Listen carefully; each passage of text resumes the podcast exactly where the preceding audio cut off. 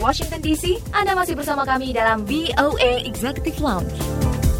Masih di VOA Executive Lounge bersama saya Dewi Sulianti. Kali ini ada informasi mengenai food truck atau mobil kedai makanan di Amerika yang biasa mangkal di pusat kota di daerah perkantoran. Kini karena pandemi pindah berjualan ke daerah perumahan. Kita simak liputannya berikut ini.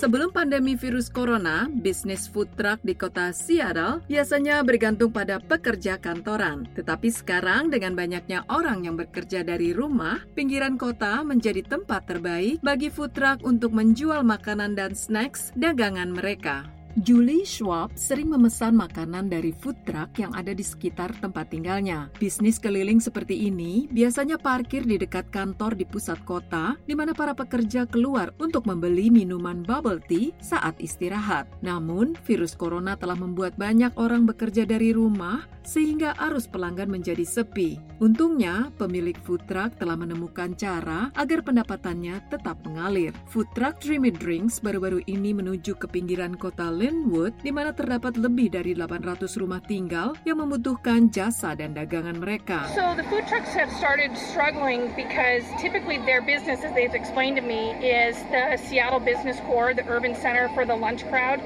as well as music festivals and festivals during the summer that are all canceled because of COVID. Jadi food truck mengalami kesulitan karena biasanya bisnis mereka, seperti yang telah mereka jelaskan kepada saya, adalah di pusat kota Seattle, tempat para pekerja kantoran makan siang siang dan kadang ada festival musik atau festival lain selama musim panas yang semuanya dibatalkan karena COVID. Jelas Julie Swap, salah satu penduduk di Landwood. Swap pertama kali mengundang food truck untuk berdagang di daerahnya pada bulan Juni lalu. Sekarang, dia menjadwalkan food truck untuk datang setiap hari hingga bulan Desember mendatang. Uh, I was talking to a food truck and they were explaining that they're having a hard time and I started talking about do they come to neighborhoods? Saya sempat ngobrol dengan pemilik food truck dan mereka menjelaskan bahwa mereka mengalami kesulitan. Saya tanya, apakah mereka bisa datang ke lingkungan di sekitar sini? Para warga yang biasanya bekerja di kota senang sebagian kehidupan mereka kembali pulih dan catering di pinggir jalan ini bahkan dapat menyatukan komunitas. So many of us are working from home and are stuck at home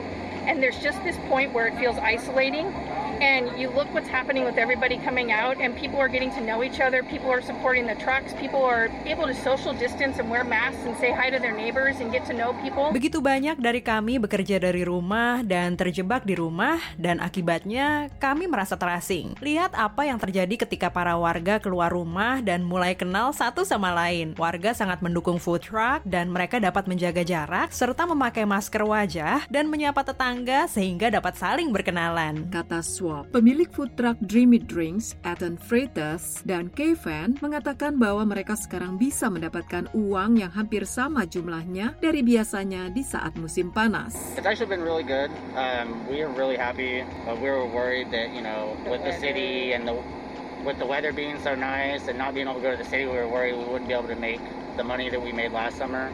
But actually we've been doing pretty good. Kami khawatir. Seperti Anda ketahui, keadaan kota saat ini, walau cuaca begitu bagus, kami tidak bisa berjualan di kota dan kami khawatir tidak akan bisa menghasilkan uang seperti yang kami hasilkan pada musim panas lalu. Tapi ternyata kami telah menjalankannya dengan baik. Jelas Fretas. Mereka mengatakan pelanggan mereka sekarang kebanyakan adalah anak-anak yang belajar dari rumah dan para orang tua yang bekerja dari rumah. It's a lot more friendly, more energy. A lot of people are happier to see us. Um, more kids. I, yeah, more kids. Jauh lebih bersahabat dan ada lebih banyak energi. Warga sedang melihat kami di sini, terutama anak-anak. Tambah Fritas. It's kind of like different targets, different customer, you know, like target markets. Now it's more like kids but then before it's more like the people that work at the office that just want to treat Sebelumnya lebih banyak pekerja kantoran yang menginginkan dagangan kami saat mereka istirahat. Kata Kevan, walau terimbas pandemi virus, kebanyakan orang masih merindukan makanan dan camilan mereka dari food truck. Dari Washington DC, demikian laporan VOA.